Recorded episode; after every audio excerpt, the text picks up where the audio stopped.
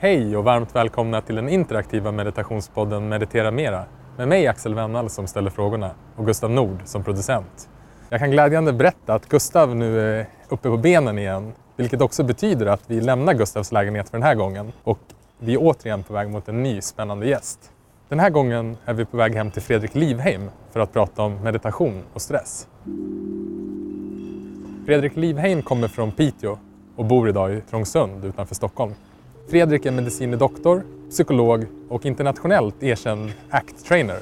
Han har nyligen disputerat vid institutionen för klinisk neurovetenskap på Karolinska institutet där han forskat på gruppbehandlingar för ungdomar och vuxna som lider av stress och psykisk ohälsa genom Acceptance and Commitment Therapy, ACT.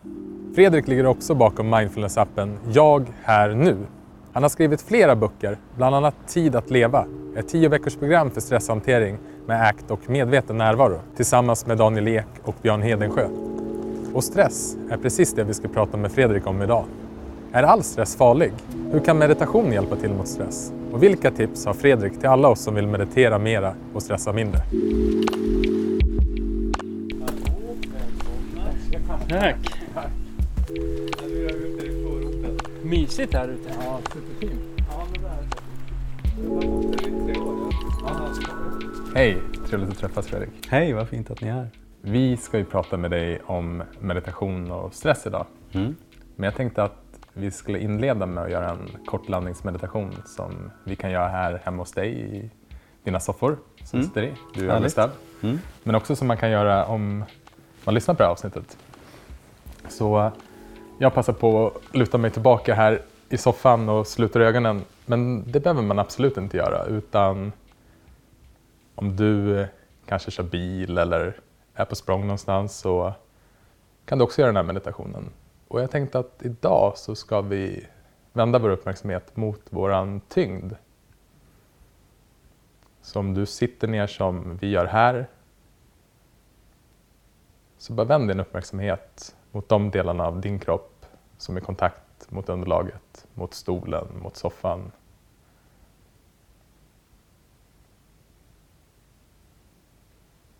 Och om du är ute och går så vänd kontakten mot dina fotsulor. Och bara bli uppmärksam på att gravitationskraften drar ner dig.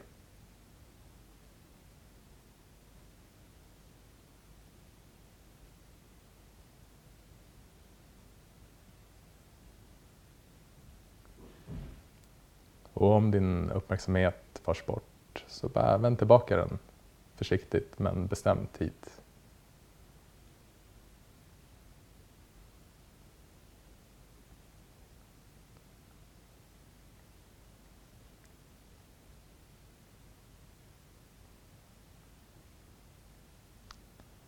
Och om din uppmärksamhet förs bort så vänd tillbaka den vänligt men bestämt.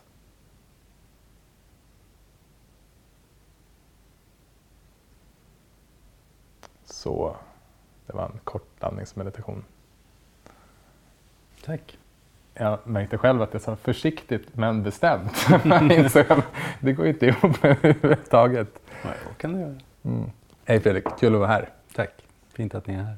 Jag tänkte idag när vi ska prata om meditation och stress så tror jag att det är många och jag själv var så att när jag började meditera så var att jag ville bli mindre stressad var en av anledningarna. Mm.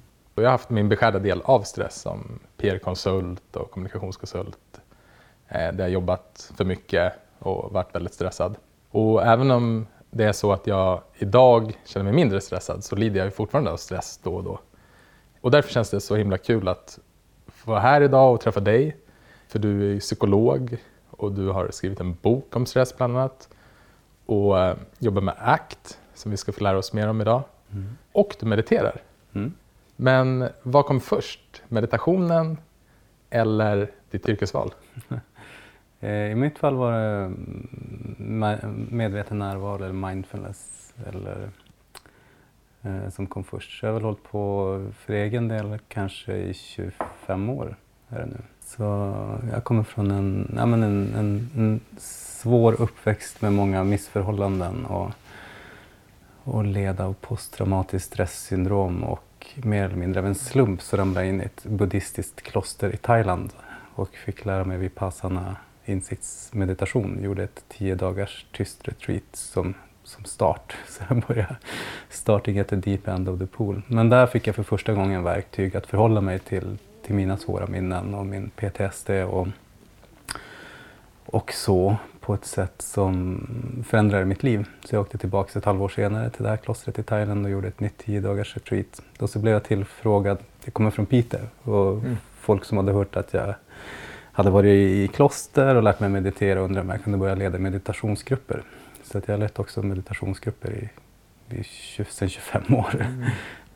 Sen så när jag började plugga till psykolog 99 tror jag det var, så, så, så, fick jag smyga med det för då var meditation absolut inte rumsrent. Det var flummigt och konstigt och, och sådär. Tills de första studierna började komma kring 2002-2003 av Mark Williams och seriösa professorer på fina universitet som såg att det kunde förhindra återfall i depression och då blev det helt plötsligt wow. Och så efterfrågas det, finns det några psykologer med erfarenhet av mindfulness som kan leda grupper och då blev jag tillfrågad helt plötsligt 2003 om jag kunde börja hålla MBCT-kurser på Karolinska institutet för terapeuter så det var helt plötsligt tvärvändning, att helt plötsligt var det någonting som var efterfrågat.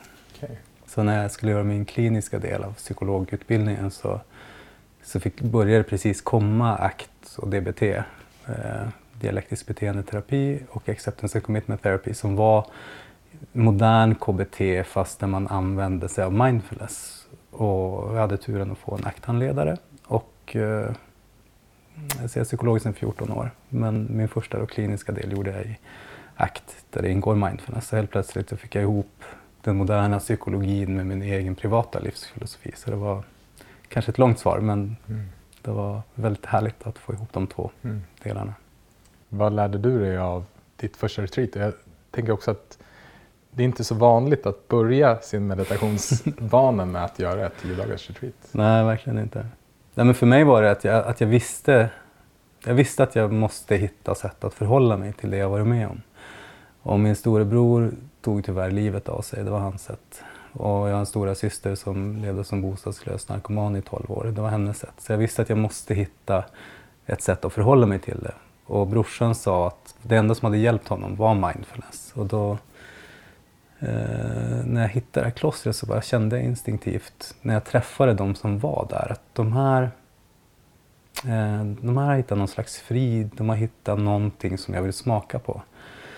Så jag tänkte jag ger det en chans och jag kan ju alltid fly ifall det är hjärntvätt eller någonting.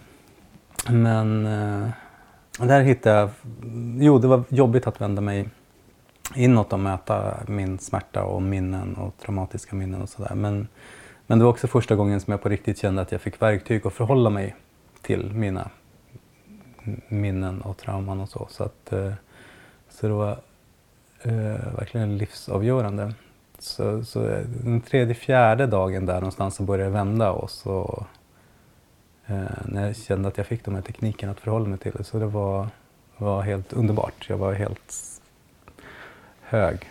Jag kommer ihåg att jag reste därifrån sen efter tio dagar med två, två killar som jag hade lärt känna där på meditationsretreatet och de hade, sa, sa de, hade testat alla droger på planeten i princip. Men de hade aldrig varit så höga som de var prick där och då helt naturligt. Jag kommer ihåg att vi satt på, på flaket på en pickup och bara skrattade åt att livet är så härligt och palmerna var så gröna och havet var så mm. blått och allt smakade och luktade helt underbart. Och som en så här, alla sinnen var rensade.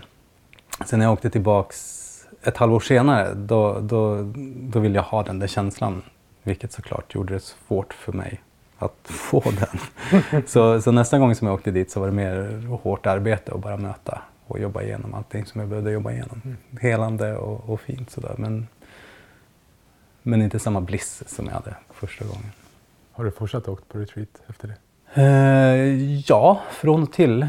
Men, eh, men det var länge sedan jag gjorde något tio dagars. Däremot så mitt fokus är att få in medveten närvaro i hela livet så, mycket som möjligt. Eh, de retreats ja, varit på sist har mest varit så lite kortare att, mm, tre dagar eller två dagar. Men också ibland så har jag och kompisar åkt iväg och lånat någon gård någonstans och så har vi, de är ofta mindfulnessinstruktörer eller yogalärare och så har vi gjort scheman så här. Ja, men du gör den lunchen, den middagen, jag tar frukost, jag håller de här vägledda meditationerna och du håller det här yogapasset. Så att vi kanske håller tre, fyra, fem dagar i tystnad för vi har bestämt allting i förväg. Och så liksom ett litet tajt gäng som, som gör det tillsammans. Så det, det formatet tycker jag är härligt. Så nu nästa steg, jag, jag älskar att segla och ha en, en segelbåt så vi funderar på om vi skulle ha ett segelbåts retreat. Mm. Åka iväg till en ö någonstans. Så bara med ett färdigt schema med några vänner. Wow. Så det kan vara ganska enkelt också om man gör det så. Vi ska ju såklart komma in mera på, på det du arbetar idag med och hur du arbetar och hjälper människor med att hantera stress. Men jag är lite nyfiken på hur, hur för du in medveten närvaro i ditt liv idag och hur mediterar du? Just nu så är det en ganska intensiv livssituation så jag har fyra, nej jag har tre barn. Eh, Två, två fyraåringar och en ett och ett halvt åring. Ja. Så att det, det är ju high life. Och så har jag precis disputerat också så jag doktorerar för, för en månad sedan ungefär. Så det har ju varit, ja, och så har vi byggt om huset och sådär. så att det, så det, jag har ju verkligen fått praktisera allting som jag, som jag undervisar själv. Men eh, nej, formell meditation blir inte så mycket för mig just nu. Däremot så gör jag ofta liksom en kort yogaövning på morgonen för att landa och bli närvarande. Men sen så plockar jag tillbaks mig själv till nuet medvetet, kanske 200 gånger om dagen eller så. Att, att hela tiden tillbaka. Som jag cykelpendlar in till stan. Mm. Och då lyssnar jag ofta på meditationspoddar eller liknande och då, då det är också tydligt när jag inte är närvarande. Och då siktar jag på att vara närvarande, både att höra på vad som sägs men också närvarande i upplevelsen av att cykla, vinden mot huden, hur det känns när musklerna jobbar, benmusklerna jobbar och, och vad jag ser och noterar och sådär. Att ta in hela upplevelsen. Och då blir det också då så tydligt när jag känner att nu hörde jag inte vad de sa de senaste orden. Okej, jag är frånvarande eller jag är någon annanstans. Och så bara varsamt plocka tillbaks igen och igen och igen. Men också i möten med människor eller saker som jag gör under dagen. Att stanna, ta ett andetag, landa här och nu och så vidare. För det är ju så enkelt. Egent- Egentligen är det ju så enkelt att Mm. bara vända tillbaka uppmärksamheten. Japp. Men att göra det hela tiden. Mm. Det behövs hela tiden. Påminna sig själv. Ja. Och det där tycker jag är intressant. För att det, det är så här, liksom, jag, jag lär ju ut meditation och en Mm. vanlig nybörjargrej är ju att man blir förbannad på sig själv för att vadå, jag, jag klarar inte av att vara, vara närvarande en sekund eller tre sekunder och sen är jag borta liksom. Jag blir så arg på mig själv. Men det är liksom när man upptäcker, okej, nu är jag inte här och nu utan nu är jag på jobbet imorgon. Liksom. Ja men okej, det är ett ögonblick av medveten närvaro. Att istället för att ge sig själv en rak höger där, bara klappa sig själv varsamt på huvudet. Yes! Jag är medveten om att jag är där och då med min uppmärksamhet och så aktivt väljer att plocka tillbaka sig. Så det där, för den där mängdträningen att plocka tillbaka sig som är att träna upp sin mindfulness-muskel. Så det är det som är, det är inget misslyckande utan det är perfekt. Mm. Nej, men jag, jag kan bara instämma. Jag brukar också när jag lär ut meditation verkligen betona vikten av att vara, ja, men, vara snäll mot sig själv Mm. när man gör det där.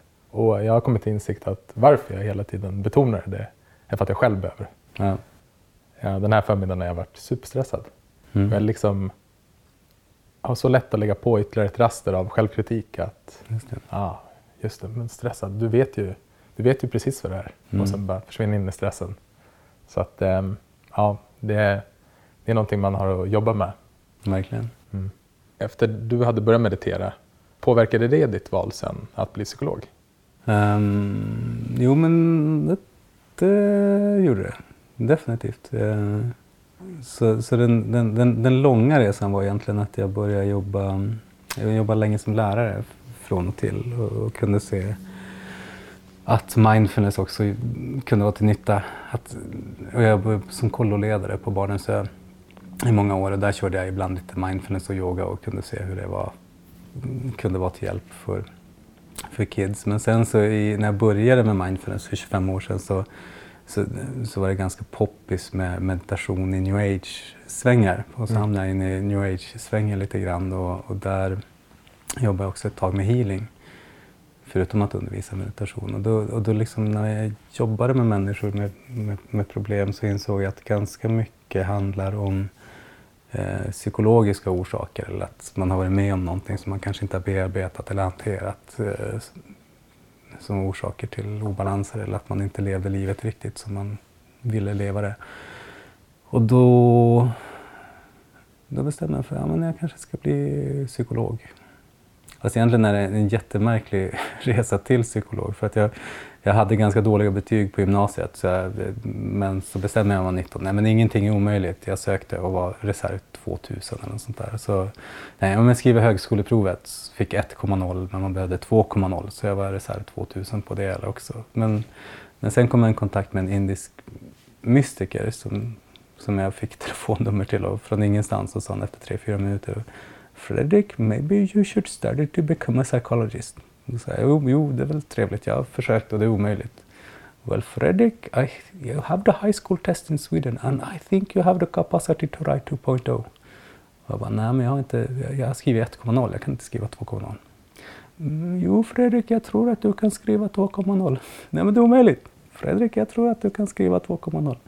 Så då tänkte jag, men jag ger det väl en chans för det var 6-7 år senare sedan jag hade skrivit sist. Och då skrev jag det och så skrev jag inte 2.0 men jag skrev 1.7 och så skrev jag det igen, igen, igen, igen, igen, igen och till slut fick jag 2.0.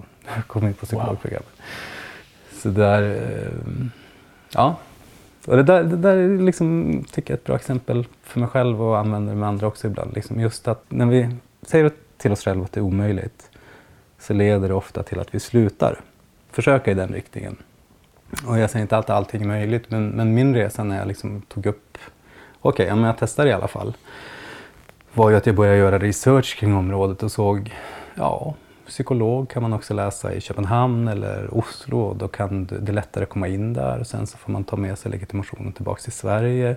Eller vill man jobba med samtalsterapi så kan man till exempel bli psykoterapeut. Då kan man läsa socionomprogrammet och så läsa vidare en terapeututbildning och jag såg helt plötsligt att det fanns andra vägar till att jobba som terapeut eller psykolog. Mm. Ehm, och då var, öppnades en massa möjligheter. Medan när jag hade lagt det på is, då var det omöjligt på riktigt för att jag inte gjorde någon, någonting i den riktningen. Kan inte du berätta lite mer om vad ACT är? Mm. Så ACT är en förkortning för Acceptance and Commitment Therapy när den används terapeutiskt eller Acceptance and Commitment Training när den används inte regelrätt som terapi utan för att ja, man kanske inom företagshälsovård eller förebyggande eller hälsofrämjande insatser på skola, universitet och andra ställen. Men kortfattat så är det en, en form av KBT, en modern form av KBT, men där man tittar på människan i hela sitt sammanhang eller kontext. Så ibland brukar man kalla det för kontextuell KBT. Om man, om man känner till vanlig KBT, kognitiv beteendeterapi, har många hört talas om förmodligen. Och där skulle jag säga att ACT är som KBT fast med kanske tydligare fokus på identifiera vad tycker man är viktigt i livet, vad vill man fylla livet med. Också acceptans, vad är det vi som människor behöver acceptera. När vi, alltså det kommer att vara smärta när vi går genom livet, det kommer att vara stress och, och börja bena i vad är det jag behöver kanske acceptera eller öppna upp för och vad är det jag faktiskt kan påverka och förändra. Och så att det är också en slags eh, existentiella inslag, vad det innebär att vara människa.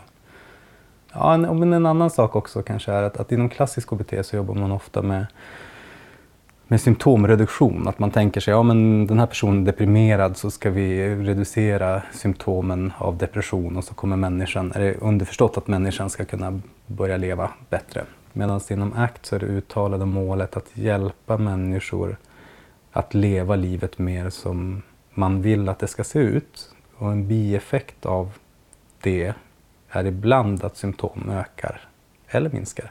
Så att, så att, så att det uttalade målet är leva livet väl och inte symptomreduktion. Och det innebär ju då att någon med social fobi till exempel som bestämmer sig för att men för mig är det viktigt att börja plugga igen. och söka mig ut och vara bland folk. Om det är viktigt och man börjar gå i den riktningen så kommer ju förmodligen inte ångesten att minska utan till en början så kommer den att öka när man utsätter sig för det man tycker är läskigt. Men å andra sidan då så ökar förmodligen livskvaliteten och på sikt blir förmodligen en bieffekt att, mm. att ångesten kommer att minska. Och hur eh, är kopplingarna till stress? Om man börjar med forskning på ACT så ser man att väldigt korta ACT-interventioner har gett goda effekter på minskad stress. Och, och, det var egentligen så jag började, för jag jobbade som lärare länge och jag jobbade som gymnasielärare parallellt med att jag gick psykologprogrammet. Och under de här kanske tio åren i skolan som lärare så såg jag tydligt hur psykisk ohälsa och stressrelaterad problematik ökade. Eh, så när det var dags för mig att göra min psykologexamensuppsats eh, 2003-2004 där, då, då tänkte jag liksom, ja, man kanske kan göra en studie och testa om man kan minska stress och psykisk ohälsa hos gymnasieelever. Och så sen så tänkte jag att jag ska utgå ifrån mindfulness. Eller så hade jag precis lärt, börjat lära mig ACT, eller ska jag utgå från ACT, eller ska jag ta något annat stresshanteringsprogram? Och precis den vevan så kom jag i kontakt med professor Frank Bond vid London University som hade gjort en studie på stressade journalister på BBC. En kort ACT-intervention som var tre timmars pass vid tre tillfällen, så totalt nio timmar. Och då frågade, jag kom i kontakt med Frank Bond och så frågade han, skulle jag kunna få testa den här interventionen, ACT-interventionen som du har kört på BBC på stressade gymnasieungdomar i Uppsala. Då sa han, jo visst får du det, men det finns ingen manual så du får sy ihop den själv. Men det här var ungefär det jag gjorde. Och så gjorde jag då en, en behandling som var ganska lik den och så sen så slumpade vi 115 gymnasieelever som fick tre halvdagar av mig i befintliga skolklasser. Och så 115 elever som inte fick det, som vi mätte samtidigt. Och så mätte vi dem innan interventionen, efter interventionen och såg ganska fina resultat, statistiskt säkerställda resultat på, på mindre stress och mindre problem och så. Och då gjorde jag en ettårsuppföljning och då såg vi att resultaten var faktiskt större ett år senare. Och då, gjorde, då gjordes en oberoende tvåårsuppföljning som jag inte var med på och då såg de ännu större resultat två år efteråt. Så på den vägen så är det. Så att jag har själv gjort, medverkat i att göra studier på stressade socionomer, stressade sjuksköterskestudenter. Och Frank Bond och kollegor i England har gjort studier också på många olika populationer som banktjänstemän, eh, offentliganställda. Så jag skulle säga att det finns i alla fall tio vetenskapligt publicerade studier som visar på minskade, minskad stress och minskade utmattningssymptom efter ganska korta aktinterventioner. Mm. Och vad gör man i en sån här intervention? Eh, alltså vad vi typiskt gör i våra för vuxna och för gymnasiet och uppåt, det är liksom, vi har fyra, eller det jag utbildar andra i att hålla, eh, det är fyra träffar a tre timmar. Och träff ett så tittar man på vad är stress, hur vet jag om jag är stressad, vilka symptom eh, är det och så vidare. Vad är det som brukar stressa oss, eller stressfysiologi och sådär. Men också vad kan man göra åt det? Och där brukar vi prata om att fem grejer som vi jobbar med hela tiden och det ena är förändra det du kan förändra. Så problemlös och gör förbättringar. Be om tydliga arbetsbeskrivningar, gå ner i tid om du vill eller ta tag i relationer som inte funkar. Liksom, men stressorer som ligger utanför vår hud kan vi oftast påverka. Mm.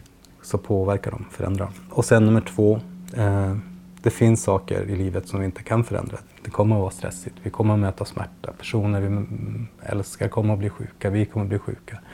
Så hur kan vi hantera det som händer innanför vår hud? Det som kommer från vårt centrala nervsystem, känslor, tankar, upplevelser.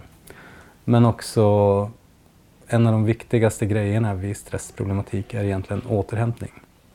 Så problemet vid stressproblematik är inte stressen.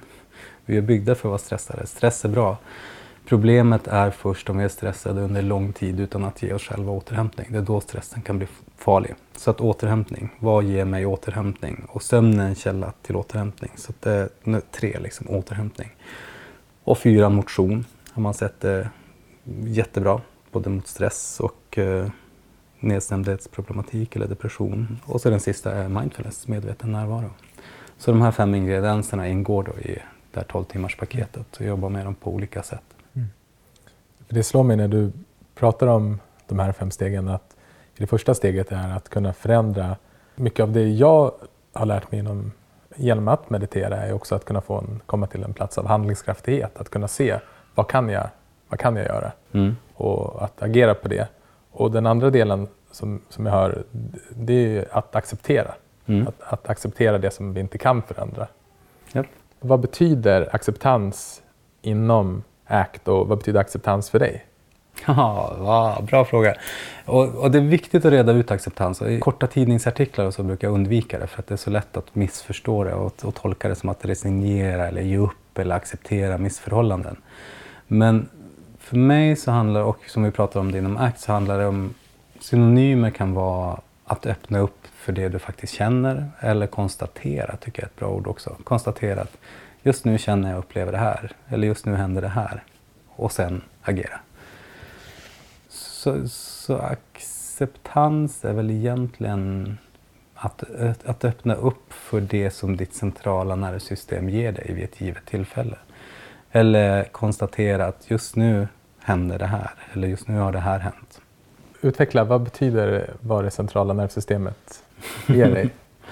Nej, men jag tänker att, att, eh, att som människa har vi ett centralt nervsystem och som, som ger oss impulser, som vi tolkar som känslor, vi upplever saker och så innanför vår hud. Eh, vi har minnen, vi har vår historia och när vi tänker på saker så, så händer det fysiologiska saker utifrån om det är ett härligt minne eller ett jobbigt minne eller om vi oroar oss för framtiden så händer det saker och så vidare i vårt centrala nervsystem. Och som människa så är vi funtade så att är det någonting som är obehagligt så undviker vi gärna det. Och därför är det lätt hänt att dyker upp en jobbig tanke eller en jobbig känsla, att vi vill undvika den. Mm. Och här ställer vi ofta till problem för oss själva om vi lägger en massa kraft och energi på att försöka att inte uppleva det vi faktiskt upplever i en given stund. Och det är därför tror jag, som du är inne på också, att, att om jag öppnar upp för det jag känner så kan jag också mobilisera kraft på att göra en förändring eller göra något åt situationen. Nej, men för jag, jag tycker också att acceptans är ju motsatsen till motstånd. Och precis som du beskriver så, men jag tar mig själv som ett exempel, så liksom är det ganska uppenbart att man går runt med mycket motstånd till saker och ting som redan är. Ja, Och det är ju vansinnigt. Ja. Eh, men likaså, ja, men om jag eh, ser till exempel min förmiddag, då jag liksom, det var ju nästan humoristiskt att vi skulle till dig och prata om stress idag. För Mm. att ja, men jag har varit så stressad. Det har varit helt otroligt. Och jag, liksom så här, och jag bara, men vad är det som gör att jag blir stressad? Och liksom, ja, men det flyger tankar här och där. Och jag liksom, någonstans kunde jag bara inse att okej, jag har så sjukt stort motstånd mot att jag känner så här just nu Mm. jag kan inte acceptera det. Och, och det, där i låg ju också mycket av stressen. Mm. Att, att i det här starka motståndet. Ja. Det också, jag brukar avsluta med listan saker som vi i allmänhet behöver acceptera som Mm. vår historia, vår barndom, kriser, sjukdom och så här. Men också att ibland behöver vi acceptera att det ibland är svårt att acceptera. Mm. att den, den behöver också finnas med där. Mm. Verkligen. Vad finns det för faktorer som gör oss stressade som du ser i ditt arbete? Det är ju jätteindividuellt vad som, vad som stressar oss. Men eh, alltså någonting som är stressande för nästan alla människor Eh, livsomställningar. Och då alla typer av livs, större livsomställningar. Och även om det är saker som är härliga, som man har längtat efter. Åh, äntligen, jag ska gifta mig med min drömpartner. Eller vi har köpt drömhuset och ska flytta in i. Eller jag har fått ett nytt jobb som jag verkligen vill ha. Men att då gå från det gamla jobbet till det nya jobbet. Eller att flytta till det här huset. Eller att gifta sig. Det är en livsomställning som kommer att ta kraft. Och där gäller det också att avsätta tid för återhämtning och kanske inte köra lika hårt som man brukar göra för att man är i en fas av en livsomställning. Men det är också sådana saker som händer naturligt i livet. Att gå från till exempel gymnasiet till att börja etablera sig som vuxen och försöka skaffa sig ett jobb och ett boende. Eller plötsliga livsomställningar som skilsmässa eller en förälder som går bort eller någonting annat. Men ibland brukar vi dela in det liksom saker som händer alltså privat, livshändelser eller kriser eller sjukdom eller annat. Men också sånt som händer i, i den yrkes, yrkesdelen. Oavsett om du är arbetslös eller om du har ett arbete så kan det ju vara saker som eh, otydliga arbetsbeskrivningar eller att man har för hög arbetsbelastning eller konflikter eller mobbing på jobbet. Men sen så kan det också vara att man liksom, livet är oförutsägbart. Att man kanske har ett oförutsägbart jobb eller att man har dålig koll på planering av livet och sådana saker. Och ibland kan det vara så att det är tydligt, liksom, ja, men det är jobbet. Jobbet det är bara för mycket. Det är kaos och det är osäkert om företaget kommer leva kvar. Och jag har för mycket att göra och vi jobbar mot deadlines och hela tiden. Bla, bla, bla, bla. Eh, men det är ganska fine på de andra bitarna i livet. Men ibland är det så att det är, det är lite strul i relationerna. Det har hänt lite grann. Förälder som inte är riktigt frisk. Och det är lite, men det är okej okay liksom. Men sen är det också lite för mycket jobb på jobbet och det är stressen och sådär. Och sen är det lite på andra plan också. Och var och en för sig så är det ingen panik. Men de här tre sakerna tillsammans gör att, att totalt blir det för stor påfrestning. Så inom stress brukar man ofta prata om kravkontroll, kravresurser och kravkontroll. Att om man, livet ställer ju krav på oss. Om jag upplever att jag har resurs att möta de här kraven som livet ställer på mig så är det balans. Men om jag upplever att hur jag än ror och allt jag satsar så, är, så mäktar jag inte med. Att det uppstår en obalans där. Då har vi stressreaktionen som dyker upp som en faktisk fysisk respons. Mm. Och här, här, är det luriga för att, att vi, vi som stenåldersmänniskor, eller, alltså vi har ju funnits som art i miljontals år och, och som moderna människor kanske 140 000 år. Men vi är byggda för att reagera snabbt på väldigt tydliga hot som ofta var fysiska, som en fiende med en spjut eller ett rovdjur eller, eller liknande. Och det var ju väldigt tydligt när hotet var närvarande, om jag lyckades överleva, så var det vila och återhämtning. Men nu för tiden i vårt informationssamhälle så är mycket av stressen kommer från vårt tänkande. Mm. Alltså, vi lever i ett informationssamhälle vi lever i huvudet, vi lever i tankarna. Och hjärnan är förvånansvärt dålig på att skilja på ett faktiskt fysiskt hot, som en brunbjörn, versus tänkta hot. Och tänkta hot kan vara Åh shit, jag har den här presentationen i övermorgon för den där advokatbyrån. Gud, hur ska det gå? Och sen så, så var det liksom, just det, jag, jag sa det där, men nu har jag glömt den där grejen. Hur ska det gå nu med den här inlämningsuppgiften jag har? Och dessutom skulle jag hämta barnen på föris och så tänk om de blir sjuka och så vidare. Och, det, och det liksom, den, de tankarna mm. drar igång samma faktiska fysiska stressrespons. Autonoma nervsystemet, hjärtat, endorfiner, liksom hela kittet. Så där, där blir utmaningen idag att inte trigga igång kroppens faktiska fysiska stressrespons med hjälp av tänkandet. Som, med hjälp av tänkandet så kan vi trigga igång den 24 timmar om dygnet om vi inte är varsamma. Och här är väl meditationen ett fantastiskt verktyg för ja. att kunna just arbeta med, med sitt tänkande och kunna landa ner i kroppen. Att kunna också, för i meditationen så försöker vi komma till den här bevittnande platsen och liksom, att inte behöva identifiera oss med alla tankar, vilket är ju det som sker när vi blir stressade. Jo, precis. Och, och där, och där är väl kanske en skillnad mellan ren mindfulness och ACT. Att eh, att inom ACT så jobbar vi också på andra sätt. Att få de här fina färdigheterna som du normalt får efter att ha mediterat väldigt mycket. Men vi, vi, vi jobbar också på att hitta genvägar till dem. Finns det, kan vi med hjälp av övningar och metaforer, upplevelser, information hjälpa folk att se tankar som tankar. Mm. Eh, att komma i kontakt med den här stabila plattformen varifrån man ser tankar som tankar. Mm. Eh, och också återigen så är fokus då med ACT att hjälpa människor att leva livet fullt ut och leva ett liv man vill leva. Och då, då blir det liksom att medveten närvaro eller mindfulness kommer in med det syftet. Att det är ett sätt att öva upp sina färdigheter, att kunna se tankar som tankar och ändå göra det som är viktigt för dig. Eller det är ett sätt att eh, öva upp, att ha ditt fokus på här och nu så att du inte stressar upp dig i onödan. Eh, men, men med det sagt så finns det också andra sätt att öva upp sin förmåga att vara här och nu. Som till exempel att göra det aktivt hela tiden i vardagen. Eller om du utövar en sport så behöver du oftast vara närvarande i kroppen helt fullt ut för att kunna utföra den sporten väl. Mm. För är det i huvudet så är det, det går det inget bra. Eller andra saker som eh, för vissa är att gå i skogen eller men saker som hjälper en att landa här och nu Mm. i kroppen. Och det behöver inte nödvändigtvis vara medit- meditation, även om jag tror att meditation är en jättebra väg. Mm. Men där ser jag också en, en, en svårighet för att jag tror att, att det kommer vara svårt att få de stora massorna att meditera formellt, formell meditation så pass mycket som man behöver för att få riktigt ordentliga hälsobefrämjande eh, effekter av det. Så det är därför jag tycker det är bra med ACT också, för när vi går in i skolor eller på studenthälsan eller företagshälsovårder så, så, så litar vi på att det är ACT i sig som står för effekterna. Sen har jag alltid med mindfulness, mindfulness-appen och mindfulnessövningar och sådär.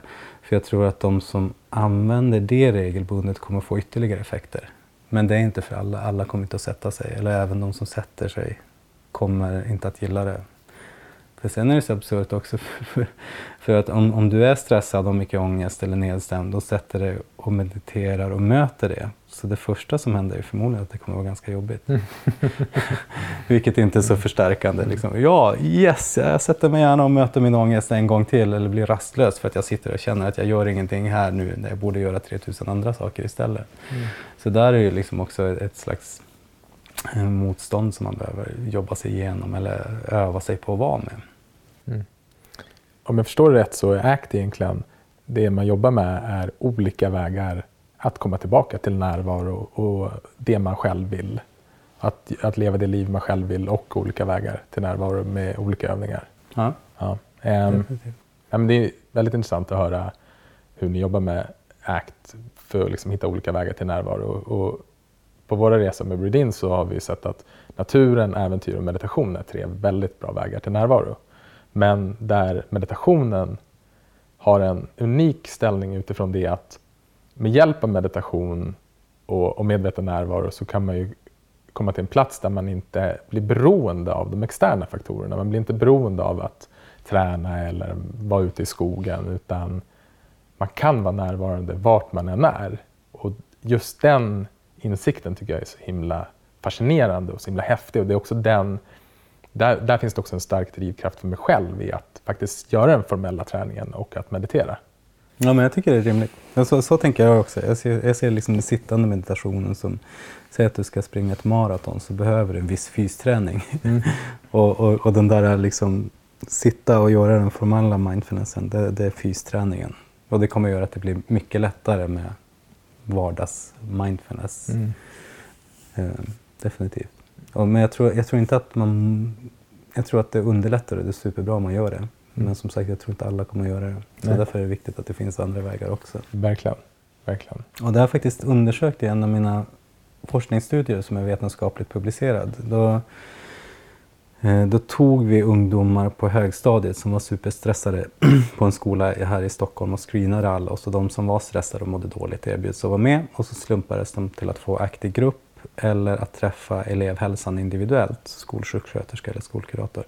Och så mätte vi dem innan och efteråt. Och sen så så normalt har jag med mindfulnessövningar, men just i den här studien så valde jag att ta bort mindfulnessappen, alla formella mindfulnessövningar. Men ändå så mätte vi mindfulnessfärdigheter med ett formulär som man brukar använda för att mäta mindfulnessfärdigheter. Och badam, så såg vi att de som hade fått ACT, de hade ökade mindfulnessfärdigheter efter interventionen. Kontrollgruppen hade minskade mindfulnessfärdigheter efter att ha träffat elevhälsan. Oj. Men, ja, men för mig så var det liksom en första indikation på att ja, men det verkar som att vi ba, bara med hjälp av ACT kan öka mindfulnessfärdigheter. Sådana färdigheter som man får efter regelbunden mindfulness eller meditation i många, många, många timmar. Men här kunde vi förflytta dem på den skalan bara, bara genom övningar och metaforer och, och sådana saker. Mm. Och i en annan studie, den här första studien som jag gjorde med tvåårsuppföljning, där gjorde vi också så att där fick de en mindfulness-skiva men vid tvåårsuppföljningen så kontrollerade vi, har ni använt mindfulness-skivan? Och det hade de inte, nästan ingen. Och, och, men vi såg ändå fina effekter. Så det är också en indikation på att det verkar vara någonting i själva ACT som ger förändringar. Det är inte nödvändigtvis mindfulness, även om jag tror att det är jättebra och Mm. kan ge ökade effekter. Intressant. Kan inte du berätta lite grann om de sex kärnprocesserna i ACT? Vad, vad vi egentligen är intresserade av inom ACT, om, om, om jag tittar ur terapeutisk synvinkel, det är att öka människors psykologiska flexibilitet. Och, och psykologisk flexibilitet är lite förenklat att, att göra det som är viktigt även när det är jobbigt. Det kommer jobbiga tankar och känslor. Du får sug att göra saker och ting. Så du behöver göra mindre av vissa saker och mer av andra saker för att rent konkret gå mot det du tycker är viktigt. Och det är psykologisk flexibilitet. Och, och det, det, finns ju andra så här poppis-begrepp nu inom neurovetenskap som grit eller conscientiousness eller IQ som, som också är psykologiska konstrukt och som är fina på så sätt att de predicerar, är det någon som har hög IQ så kan det vara intressant för viss typ av anställningar och sådana saker. Men ett problem med de här poppis-begreppen som IQ, conscientiousness och grit, det är att de oftast inte är så lätta att träna upp utan ofta ses de som personlighetsdrag och inte som färdigheter. Medan psykologisk flexibilitet som vi vill träna på inom ACT så ser vi både att det predicerar en massa goda utfall som psykisk hälsa, mindre dålig mående, bättre funktion, bättre livskvalitet. Och vi ser också att vi ganska enkelt kan träna upp den psykologiska flexibiliteten. Så det gör det superintressant, både att, att det, det verkar vara superviktigt och att vi enkelt kan träna folk i det. Och tränar upp den psykologiska flexibiliteten så ger det oftast utslag på en mängd olika symptomminskningar och ökad livskvalitet. Så det är därför man brukar säga att det funkar bra transdiagnostiskt. Men psykologisk flexibilitet då, så brukar man titta på att det, det, är sex kärnprocesser som man kan jobba med för att öka den psykologiska flexibiliteten. Och där är, man kan börja i vilken ordning man vill. Jag börjar ofta att jobba med värderingar eller livsriktningar. Att om du själv får välja, tänk bort samhället och partners. Och just när du funderar på vad vill jag att mitt liv ska handla om? Vad vill jag fylla det med? Vad vill jag sträva mot? Så där har vi livsriktningar. Och den här frågan är ju mm. enormt stor och mm. enormt svår. Både och. Därför att den är superviktig på så sätt att, att om vi ska backa i tiden, så att, men för 70-80 år sedan så i kristna Sverige så, så fick du oftast dina värderingar med religionen. Du skall icke bla bla bla bla och så fick du eh, ett sätt med regler som du skulle leva efter och förhålla dig till. Och vissa gjorde det för att eh, slippa hamna i helvetet, vissa gjorde det för att det kändes bra att följa liksom, goda värderingar. Men i dagens samhälle när kyrkan inte längre fyller den funktionen så, så blir det ett slags vakuum där vi själv måste bestämma vad vill jag sträva mot långsiktigt, även när det är jobbigt, när det är tufft. Och, och där finns det inte så mycket naturliga utrymmen där vi får vägledning att ställa oss de här frågorna, att jobba med de här frågorna. Så där, där, tror jag att vi behöver skapa det igen. Och där, där ser jag att ACT skulle kunna vara liksom ett sätt att jobba med de frågorna. Och det är superviktigt. Den gode Skinner, behavioristen, sa “Freedom is behaving under appetitive control”. Som är, frihet är att agera och göra saker under appetativ kontroll, det vill säga mot någonting som vi vill eller tycker är viktigt. Så den rör sig mot någonting. Och motsatsen är att agera under aversiv kontroll, det vill säga att jag gör saker för att undvika någonting.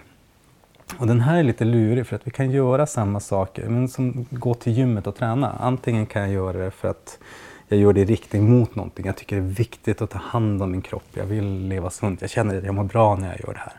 Eller, så det är att göra det under appetativ kontroll. Men du kan också göra exakt samma sak. Gå till gymmet för att du står inte ut med att känna dig ful och fet och värdelös. Så jag måste piska mig själv och gå till gymmet. Och då får liksom samma beteende gå till gymmet beroende på varför du gör det och hur du gör det. Kan vara bra för dig eller kan vara mindre bra för dig. Mm. Och, och, där kan det ju vara så. Men säg någon, någon här, som man ibland träffar som är så extremt lyckad på pappret. De har det perfekta huset, den perfekta kroppen och det ser ut som perfekta förhållandet och fina bilen och sommarstugan och allt det där. Och, och från början så kanske det var, men jag vill verkligen ha ett fint hus. Jag vill ta hand om min kropp. Att man gör det i riktning mot någonting.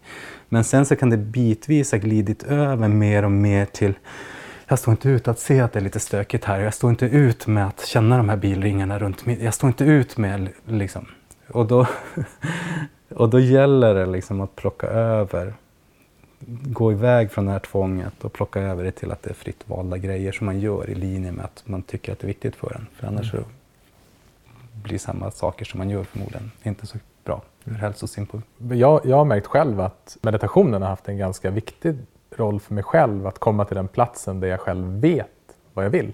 Coolt. Men med det sagt så är jag ju förvirrad var och varannan dag. Men, men, men den, där har jag liksom, för den, den frågan tycker jag själv är väldigt svår. Vad vill jag själv? Jag kommer ihåg första gången jag fick den frågan. Så här, vad vill Mm. du själv?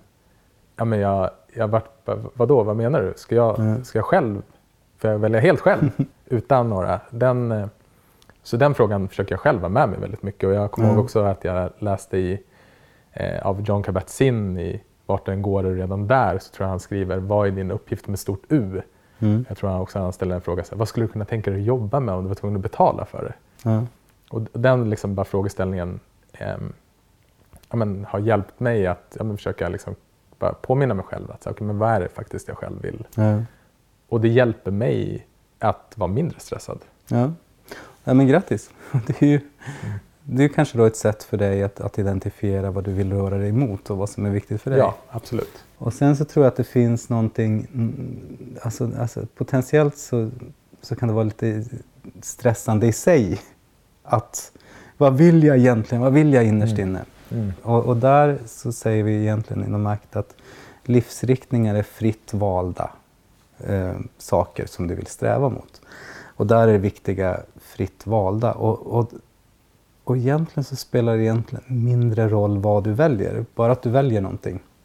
Så att ibland, ibland kan, kan jag dra metaforen med ett hus. Att, om man tar ett hus så finns det inget hus som är rätt eller fel. Utan i vissa perioder så kanske du vill bo i en liten lägenhet, i vissa perioder i ett hus, större hus. Och i perioder kanske du vill bygga om det huset för det är en massa småbarn. Och, eller du bara trivs med hobby och vill ha massa hobbyrum. Och i vissa så vill du ha ett litet praktiskt hus som är liksom lätt att städa eller vad vet jag. Liksom. Men, så det finns inget hus som är rätt eller fel, men däremot så finns det vissa hus som du vill ha i vissa perioder för de är funktionella. Och precis på samma sätt är det med livsriktningar, att det finns inga livsriktningar som är rätt och det är inte säkert att de är prick samma i olika perioder av livet.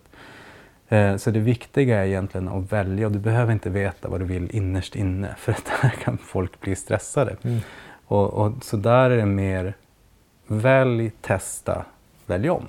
Eh, no probs. Och där är en skillnad också när vi jobbar med ungdomar eller när vi jobbar med vuxna. För som vuxen har du erfarenheter av att du har valt karriär en eller två gånger. Du har kanske valt livspartner, du har valt vart du ska bo och sådär. Men när du är tonåring så är du Hjärnan är fullvuxen vid 25, så någonstans så, så liksom, man brukar likna tonårshjärnan vid en sportbil som har jättemycket muskler och astaskiga bromsar. Och du ska i princip inte kunna tänka längre än till fredag och känna dig odödlig. Så, så det är egentligen ganska dumt att vi ställer en massa krav på allt stort som ska väljas där och då. Så det är som att du nu som vuxen får, okej nu har du ett och ett halvt år på dig där du ska välja vilken sexualitet du ska ha, om du ska vara kvar på ditt nuvarande jobb eller börja på ett helt nytt jobb, om du ska bo kvar där du bor nu eller skaffa dig något helt annat boende. Och så vidare och så vidare och så vidare. Men gärna som inte är mogen för det. Så, så det är liksom ganska stressande. Och då försöker jag komma och säga, eh, och vad vill du egentligen innerst inne? Där vi lever liksom i ett samhälle som säger att allting är möjligt och du är din egen lyckas smed och lyckas du är det tack vare upp till dig och lyckas du inte så är det upp till dig. Och du kan bli precis vad som helst så välj rätt nu. Och, och där med ungdomar så är det mer att vi uppmuntrar dem att du behöver inte veta vad du vill utan chansa. Ja, men tycker du det här verkar spännande så ut och testa det. Ut och testa din sexualitet och lär dig utifrån dina erfarenheter, vad du gillar eller inte gillar just nu. Och det kan också förändras. Men där är, där är det mer en, en utforskande process än, att, eh, än att välja vad man vill sträva mot. Hur kan man mera stärka sin psykologiska flexibilitet? Ja, så värderingar eller livsriktningar, det är ju då en. Och en annan är acceptans. Att, ja, vad är det jag behöver öppna upp för i form av tankar och känslor och upplevelser. Och saker som händer i livet. Vad är det jag behöver konstatera? Det här händer. Så det finns både en inre och en yttre acceptans. Att acceptera det så som jag mår just nu men också att acceptera att saker och ting i livet sker och jag kan inte förändra allting. Ja, precis. Så ibland kan man jobba med acceptans och eh, förändring samtidigt. Jag konstaterar att ja, just nu är det ganska dysfunktionellt på mitt jobb. Det är flera saker som inte funkar. Ja, så här är det. Mm. Och så jobbar jag med förändring parallellt med det. Eller, kommer ihåg när det var snökaos i vintras och någon tonåring som vi jobbade med på gymnasiet. Bara, alltså folk är så himla puckade. Bussarna är inställda för att det är snö, den kommer inte att komma. Och så står folk där och liksom är högröda och hoppar och skitförbannade. Och de är så puckade, de fattar inte att bussen är inställd. Och det är ingen idé att bara stressa ihjäl sig för det som faktiskt är så himla uppenbart. Eh, och skapa extra stress för sig själv. Och, och så det är liksom, om saker händer, jag tappar min telefon i toaletten, okej. Okay. Det är bara att konstatera att det här hände just. Mm. Och så beroende på hur jag förhåller mig till det här så kan jag skapa mer eller mindre smärta för mig själv. Mm. Men definitivt. För vi har livsriktningar som en process. Vi har acceptans som en process. Och sen så finns också då att vara här och nu. Och en annan är att göra handlingar i enlighet med det du tycker är viktigt här och nu. Och så finns det två processer till och den ena är ett hittepåord som vi kallar för diffusion som är att se frikoppling från språket brukar vi ibland kalla det på svenska. Att, att se tankar som tankar. Så jag kan ha en tanke om att jag är en socialfobiker, jag kan inte gå på fest. Okej, okay, jag noterar. Jag har en tanke om att jag är socialfobiker och jag har en tanke om att jag inte kan gå på fest. Och de tankarna kan få finnas med mig när jag går på den här festen. Så att, liksom, så att inte låta tankarna hindra en utan se, se dem som tankar. Och den sista är det observerande jaget. Att bygga upp den här plattformen varifrån man kan se tankar som tankar. Så där har du de sex kärnprocesserna som tillsammans utgör psykologisk flexibilitet. Mm. Ja, det slår ju mig att just de här sex kärnprocesserna är ju processer som man utvecklar också i meditation. Yep. Så att det, ja. Kanske inte alltid värderingar så uttalat. Nej. Nej, det är sant. Men det jag tror att man ibland liksom kan få att, att, att, att, vända sig inåt och lära känna sig själv gör ju att det kanske blir tydligare vad du attraheras av och mm. vad du vill och tycker är viktigt. Sådär. Men den, kom, den kommer inte per automatik skulle jag säga. Nej, det är sant. Och, men, men däremot det som, precis som du beskriver, är ju att vi hela tiden är så påverkade av vad andra tycker och tänker. Yep. Så meditation eller reflektion kan mm. ju också vara den tiden man får faktiskt känna in själv. Vad, okay, men vad är det som är viktigt för mig? Och få kontakt med den, med, med den visheten om man vill kalla mm. det så. Definitivt. Där gör vi också övningar inom ACT för att, att komma bortom det här som jag, med, jag borde tycka är viktigt. Eller så här, en övning som är väldigt kraftfull som vi gör, som också finns på Jag här nu-appen, det är 90-årskalaset. Där du får komma till ditt eget 90-årskalas och så får du själv bestämma, okej, okay, när jag är 90, var vill jag vara? Hur ska det se ut? Och sen så får man själv välja tre personer som kanske lever, kanske inte lever när jag är 90, kanske redan är döda. Men tre personer som har varit viktiga i mitt liv eller är viktiga. Och så får man välja den första. Okej, okay, vad vill jag den här personen ska säga om mig? Hur har mitt liv varit upp till 90? Om jag själv får bestämma helt fritt, liksom, vad vill jag att den här personen ska säga? Och så sen gör man det med tre personer. Och andra typer av övningar som man gör för att liksom, ja, men, inte bara skrapa på ytan utan komma lite på djupet. Att bortom social önskvärdhet och föräldrar och samhällets outtalade och uttalade förväntningar. Vad, vad vill jag fylla mitt liv med? Vad tycker jag är viktigt? Vi har fått flera liksom användbara råd här av dig hur man kan jobba mot stress. Men om man sitter här och lyssnar på det här avsnittet och bara känner så här, ah, jag är så jäkla stressad. Liksom. Vad, vad mer konkret liksom, har du för råd till jag höll på att säga, köp vår självhjälpsbok, Tid att leva. ja, just nu gör vi faktiskt en studie på den, hur den funkar. Som, som, den bygger ju på det vi har sett funkar i forskning på gruppformatet. Men nu gör vi också en regelrätt studie på KI, att bara få boken, vilka effekter ger det på minskad stress.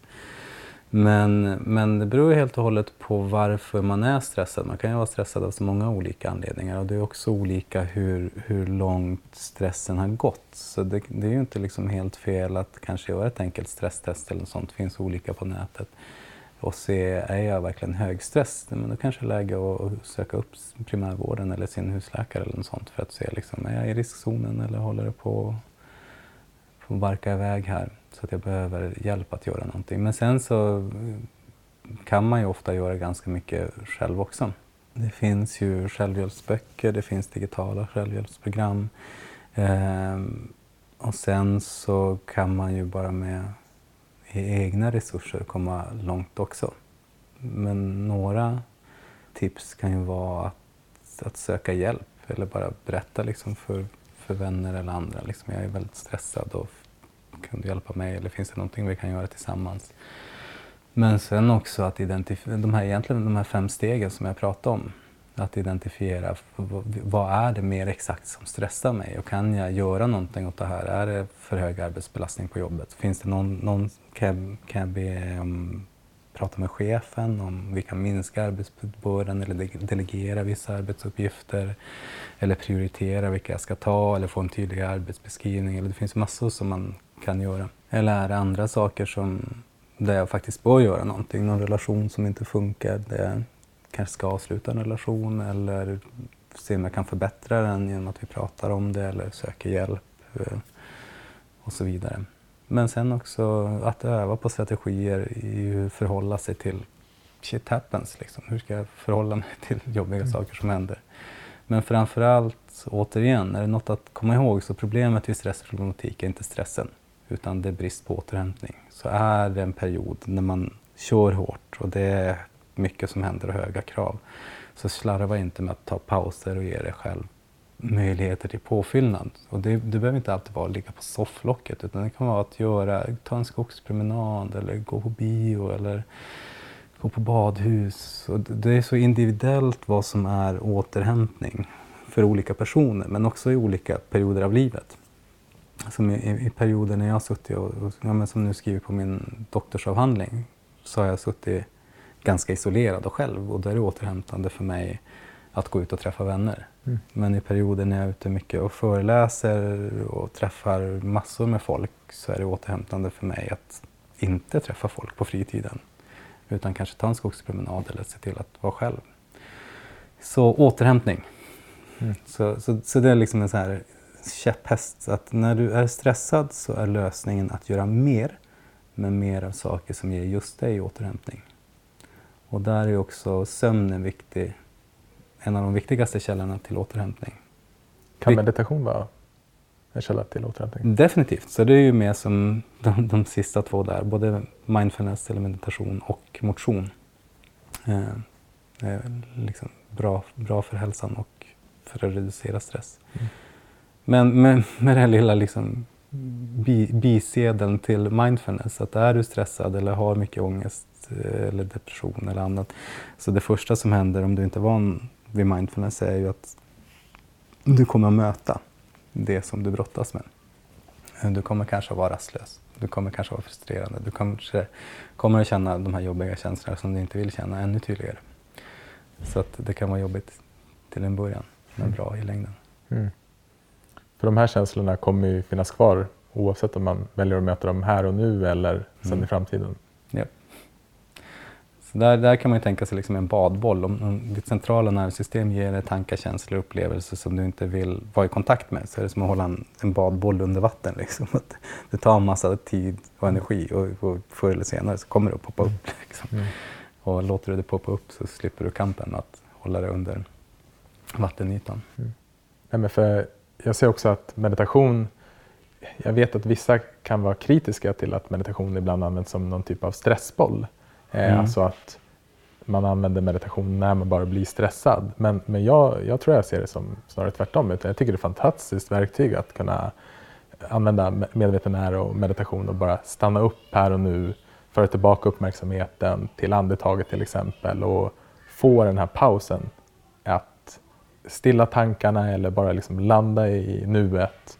Eh, men men liksom, den stora, stora fördelen ligger i att kunna som vi har pratat om tidigare, att kunna bygga in det i sitt liv så att man kan ha det mer som proaktivt. Så att man kommer till den här platsen där man är lite mer accepterande när de här jobbiga situationerna händer. Mm. Eh, och också kunna vara lite mer medkännande mot sig själv och snällare mot sig själv. För det är ju egenskaper som vi kan öva upp när vi mediterar. Definitivt. Så att, eh. Jag var med i Vetenskapsradion nyss och uttalade mig om en studie där man såg att mindfulness kunde minska ensamhet. Eh, men den forskargruppen har också gjort en studie på mindfulness eh, för att reducera stress. Och, och där mätte man också blodtryck och eh, kortisolnivåer förutom självrapporterad stress och sådär. Det, det, det är en styggt vetenskapligt publicerad studie men där slumpade man stressade människor till, till tre grupper. Den ena gruppen fick inte göra någonting alls, det var kontrollgrupp och den andra var en ren mindfulnessgrupp som var ja, men standard mindfulness och den sista var mindfulness plus acceptans. Och om man tittar på vilka effekter de gav så, så kontrollgruppen gav ingenting. Bara mindfulness gav lite grann. Men om du la till acceptans på mindfulness då fick du mycket större ökningar på bet, mindre, bättre kortisolnivåer, bättre blodtryck och mindre självrapporterad stress. Så kortisolnivåerna var 50 procent bättre om du la till mm. acceptans till mindfulness versus bara mindfulness. Och 20 procent bättre blodtryck om du la till acceptans till mindfulness förutom bara ren mindfulness. Och i studien på eh, om, om, ensamhet, då handlar det om att konstatera vilka känslor man har och vilka känslor och rädslor och sånt som kommer om du ska närma dig personer som du inte känner för social kontakt eller personer som du känner för social kontakt. Och där såg man faktiskt inga effekter på bara mindfulness, men fina effekter på om du la till acceptans till mindfulness. Just det. Jag, jag blir lite nyfiken. Vad är då adderande till mindfulness i, i form av acceptans? För jag tänker att i min definition av mindfulness så du måste vara, acceptera situationen helt och fullt mm. ut för att kunna vara mindful. Just i de här studierna så, så var mindfulness-träning mer att plocka tillbaks till fokus till här och nu på liksom andningen till exempel, mer koncentrationsträning. Okay. Och i acceptans plus mindfulness-delen så var det tydligt... Eh, jag blev faktiskt nyfiken på den frågan så jag kontaktade den forskaren och berättade att jag hade pratat i radio om hennes forskning och hon blev jätteglad, en amerikansk forskare. Men hon hon, jag bad henne också om jag kunde få skripten till de här övningarna. Så att jag har fått dem. Jag har bara hunnit snabbkika på dem. Men, men jag skulle säga att det är att det är att öppna upp till allting som du känner, förutom koncentrationsträningen. Och jag ser att de har lagt till lite self-compassion också. Just. Men det är, en, det är snygga studier bägge två. Snyggt också att de har gjort, dels är de välgjorda men också med objektiva fysiologiska mått. Mm. Och på ensamhetsstudien så har de också gjort de har fått en app så att de, det är inte bara för och eftermätningar utan de har gjort massa skattningar under resans gång. Och sen så är det coolt på så sätt att det här är bara en kort intervention på åtta veckor med 20 minuters appar. Mm. Liksom, eller övningar. Mm. Det är så intressant när man liksom, för det bör man också inse. Jag har läst den här boken, har du läst den? Stillhetens styrka av Richard Davidson och Daniel Goldman. De har ju gått igenom de 6000 vetenskapliga studierna som finns om mindfulness. Okay. Och de, ja. Men de är också väldigt skickliga på att, så här, för de är långtida vipassana meditatörer bägge mm. två. Och jag tror Davidson, han, om det är Mind and Life Balance Institute eller vad han ah, ja. mm. driver och mycket samarbete med Dalai Lama och, och mm. sådär. Eh, men också att man ser det att, här, att definitionen av olika mindfulness och meditationer är att här, vissa, men som du beskriver nu, är någon typ av så här, koncentrations... Eh, att det, att det är liksom, nu när det blir så mycket studier så är, är det, definitionerna blir så himla viktiga. Mm. Att så här, okay, men vad är det man faktiskt forskar på? Yep. För vissa mm. definierar, ja det här är den här typen av övning, ja. den här typen av, så de har gjort det bra. Men en annan intressant studie som de tar upp då i boken Stillhetens styrka, vetenskapen om meditation, är att man kan också se i hjärnskanningar en minskad reaktivitet i amygdalen. Mm. Och då verkar det som att så lite som 30 timmar kan visa de här effekterna. Men det är lite som kondition, det är en färskvara. Så att man kan inte bara meditera 30 timmar och sen har man det där alltid. Mm. Utan, men det är intressant att se att det händer både i hjärnan och, och i de studierna som du pratar om. Mm att det kan hjälpa till. Verkligen. Och, no och någonting som jag, som jag också tycker är superintressant det är ju forskning på, på epigenetiska förändringar av, av dels livsstilsfaktorer och stress och sådär men också det finns en studie från Harvard där man tog eh, en grupp som hade mediterat jättelänge, flera år liksom i snitt. Och så sen två grupper som aldrig hade mediterat. Och så sen så tittar man på, för vi har ju vår eller genetik som, som följs med oss när vi när vi föds.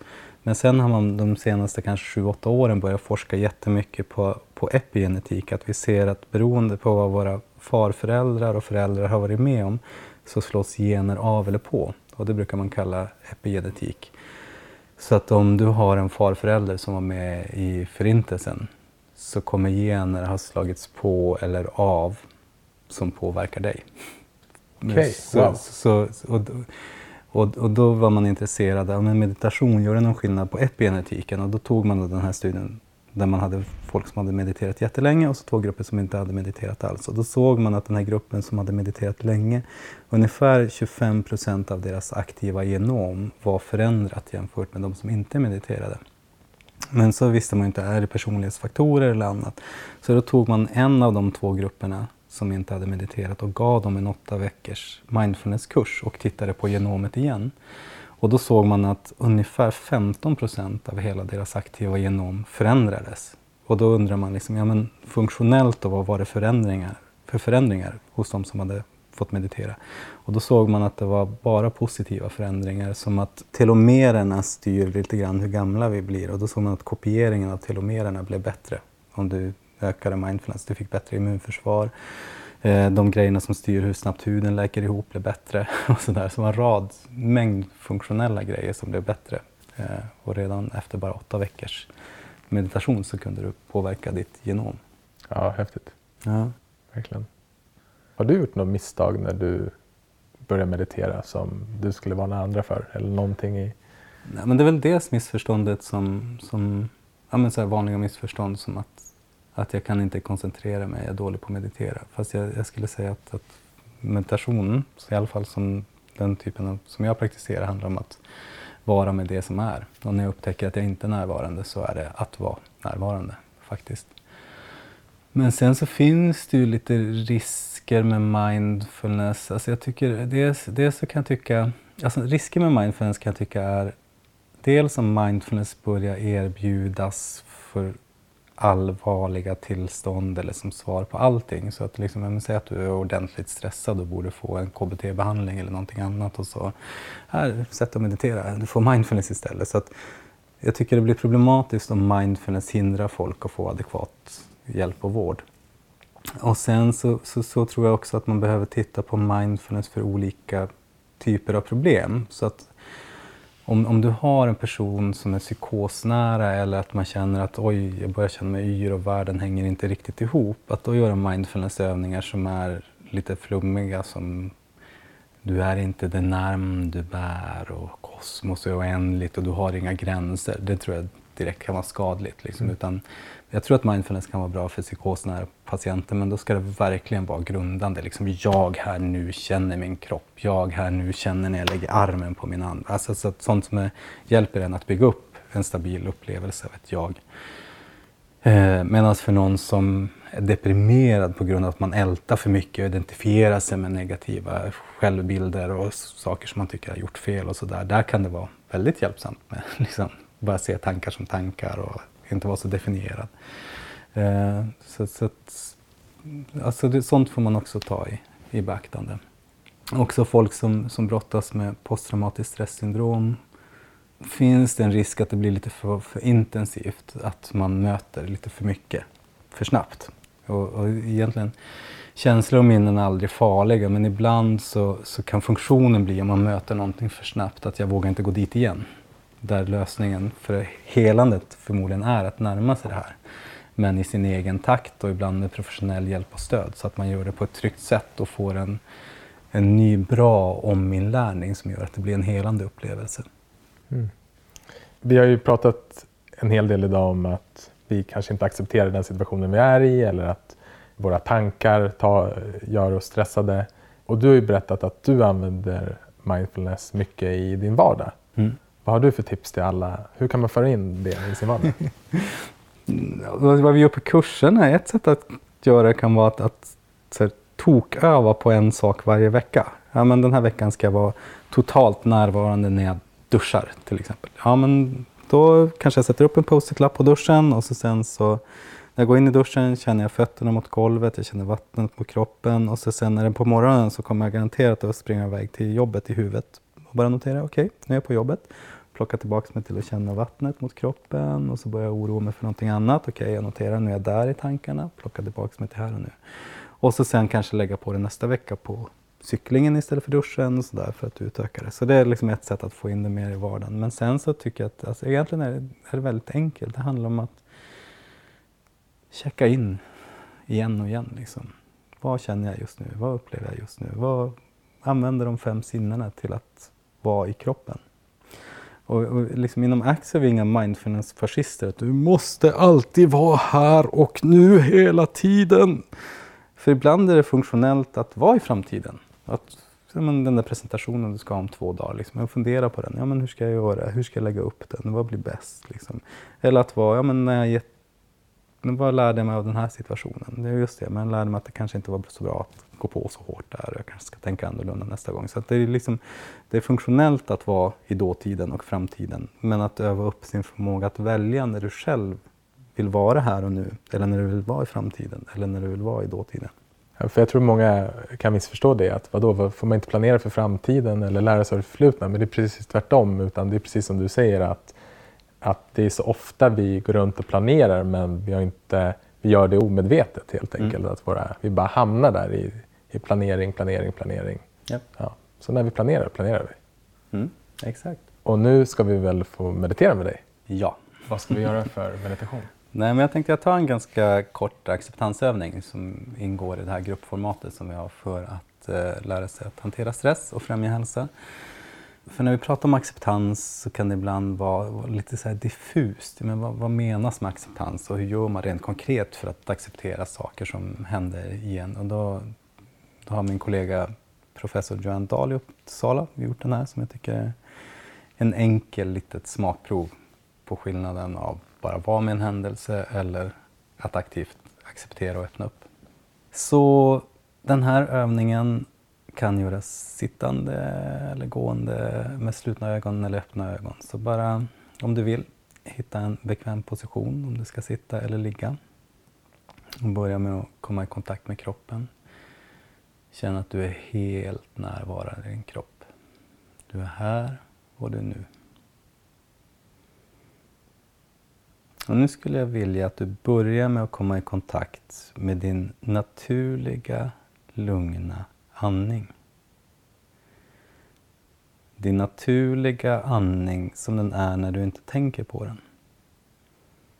Och du behöver inte påverka din andning utan tillåt bara din kropp att ta hand om dig och det enda du behöver göra är att vara närvarande i din naturliga, lugna andning.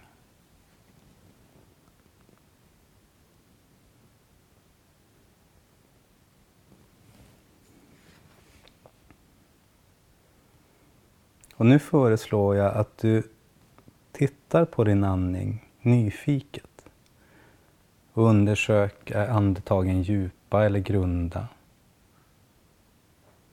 Vilken rytm har din andning? Och var i din kropp kan du känna din andning?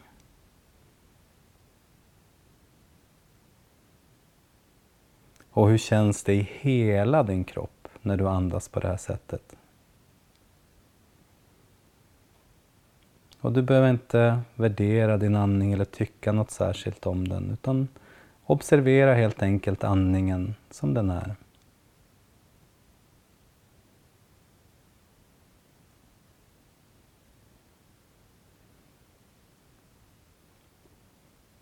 Och nu föreslår jag att du tar en tanke som är väldigt irriterande på något sätt. Eller kanske stressande eller smärtsam för dig idag. Se om du kan hitta en sån tanke. Och när du hittat en sån tanke så ta in den i dig.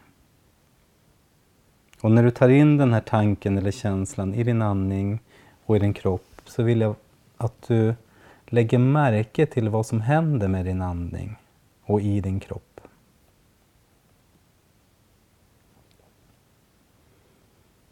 Och kom ihåg att du behöver inte värdera eller tycka någonting om den här upplevelsen. Notera bara vad som händer i din kropp och med din andning.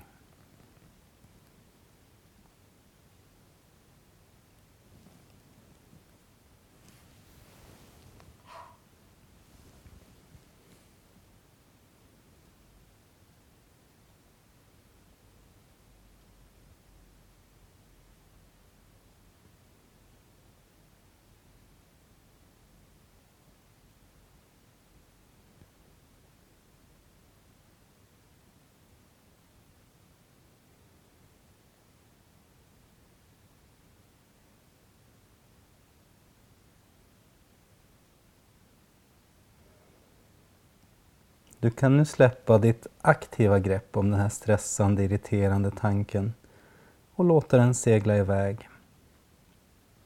Så du behöver inte trycka bort den utan du bara släpper ditt aktiva grepp.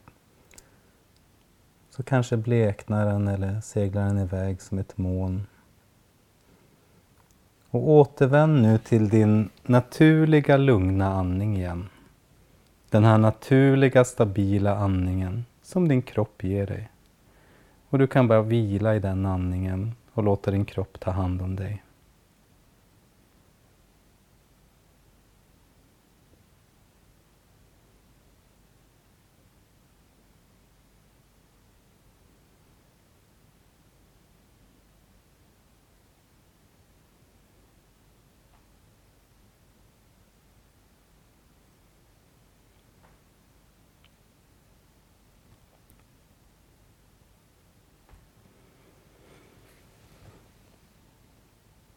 Och i det här sista steget i den här övningen så skulle jag vilja att du än en gång tar in samma jobbiga tanke eller känsla som tidigare. Men den här gången så kan du medvetet behålla din naturliga lugna andning medan du tar in den här tanken. Och notera vad som händer med den här oacceptabla, stressande, irriterande eller smärtsamma tanken när den landar i din naturliga medvetna lugna andning. När du öppnar upp och gör det stor nog att rymma den här och låter den landa i din naturliga medvetna lugna andning.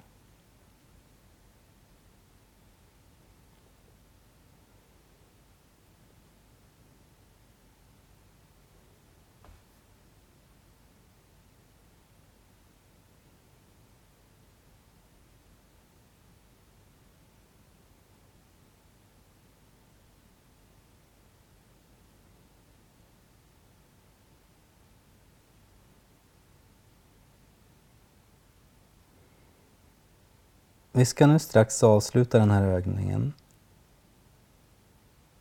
Och jag kommer att säga några saker som du, om du vill, kan upprepa tyst för dig själv som en uppmaning till dig själv. Jag tillåter alla mina upplevelser som kommer till mig att landa mjukt i mig.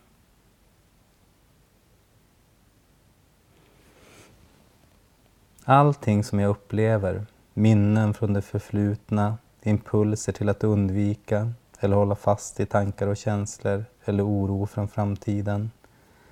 Allting får finnas och allting ryms i mig och allt får landa i mig.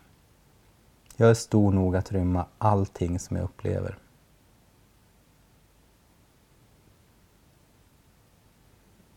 Och bli nu medveten om kroppens beröring mot stolen, fötternas beröring mot underlaget, och känn att du är helt närvarande i din kropp.